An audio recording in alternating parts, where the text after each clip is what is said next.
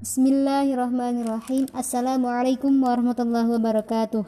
Apa kabar semuanya? Insya Allah kali ini kita akan membahas tentang produk asuransi syariah Dengan menggunakan akad tabaruk dan investasi. Kalau di dalam bahasa Arab asuransi, asuransi syariah ini disebut dengan takaful Yang artinya saling menanggung. Nah, apa saja landasan diperbolehkannya transaksi asuransi syariah ini tentunya yang pertama berlandaskan kepada firman Allah taala yaitu dalam Quran surat An-Nisa ayat 2 wa atul yatama amwalahum wa la tatabaddalul khabitha bil tayyibi wa la ta'kulu amwalahum wa la ta'kulu amwalahum ila amwalikum innahu kana huban kabira. Artinya dan berikanlah kepada anak-anak yatim yang sudah balik harta mereka. Jangan kamu menukar yang baik dengan yang buruk, dan jangan kamu makan harta mereka bersama hartamu. Sesungguhnya tindakan-tindakan menukar dan memakan itu adalah dosa yang besar. Kemudian yang kedua dalam Quran surat An-Nisa ayat 9. Wal yakhshalladzina law taraku min khalfihim dzurriyyatan dhi'afan khafu 'alaihim falyattaqullaha wal qawlan sadida. Dan hendaklah takut kepada Allah orang-orang yang seandainya meninggalkan di belakang mereka anak-anak yang lemah yang mereka khawatir terhadap kesejahteraan mereka. Oleh sebab itu hendaklah mereka bertakwa kepada Allah dan hendaklah mereka mengucapkan perkataan yang benar. Selanjutnya hadis Rasulullah Shallallahu Alaihi Wasallam yang berkaitan dengan takaful ini yang pertama yaitu man farraja an muslimin kurbatan min kurabid dunya farrajallahu anhu kurbatan min kurabin yaumil qiyamah wallahu fi aunil abadi ma damal audu fi auni akhihi rahu muslim an abi hurairah Barang siapa yang melepaskan dari seorang muslim suatu kesulitan di dunia, Allah akan melepaskan kesulitan darinya pada hari kiamat. Dan Allah senantiasa menolong hambanya selama ia suka menolong saudaranya. Hadis riwayat Muslim dari Abu Hurairah. Kemudian ini hadis penguat yang lainnya.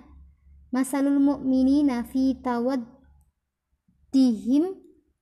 wa tarahumihim wa ta'atufihim mislul jasadi idza ishtaka minhu adwun tada'a lahu sa'irul jasadi bisahari wal huma muslim anin nu'man bin bashir Artinya perumpamaan orang beriman dalam kasih sayang, saling mengasihi dan mencintai bagaikan tubuh yang satu. Jikalau satu bagian menderita sakit, maka bagian yang lain akan turut menderita. Hadis riwayat Muslim dari Nu'man bin Bashir. Selanjutnya ada kaidah yang tentunya melandasi diperbolehkannya kafalah ini, yaitu ad-dararu yudfa'u biqadril imkan, yaitu segala mudorot harus dihilangkan atau dihindarkan sedapat mungkin. Kemudian al aslu fil muamalati al ibahah illa ayyadula dalilun ala tahrimiha.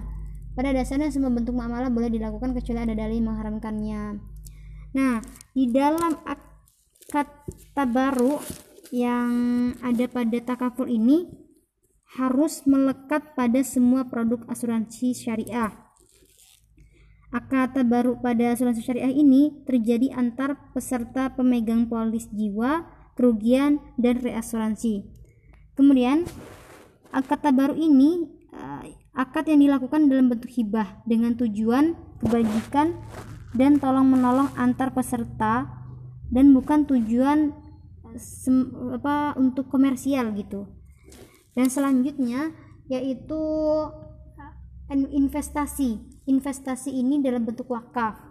Ya sudah kita ketahui bahwa, bahwa wakaf adalah menahan harta yang dapat dimanfaatkan atau diistimrorkan tanpa lenyap bendanya dan tidak menjual eh, tidak menjualnya gitu maupun menghibahkan atau mewariskannya dan hasilnya disalurkan pada sesuatu yang mubah kepada penerima manfaat wakaf yang ada. Nah, di dalam asuransi syariah ini manfaat investasi dari harta wakaf tersebut itu bisa diserahkan kepada peserta program asuransi yang berasal dari kontribusi investasi peserta dan hasil investasinya. Nah, Kemudian, pada prinsipnya, manfaat asuransi dimasukkan untuk melakukan mitigasi risiko peserta atau pihak yang ditunjuk. Nah, ini manfaat asuransi yang menggunakan akta baru tadi. Kemudian juga tentunya kan kalau mendapatkan hasil dari investasi itu juga bagian dari manfaat investasi dalam asuransi syariah. Mungkin itu saja. Terima kasih. Wassalamualaikum warahmatullahi wabarakatuh.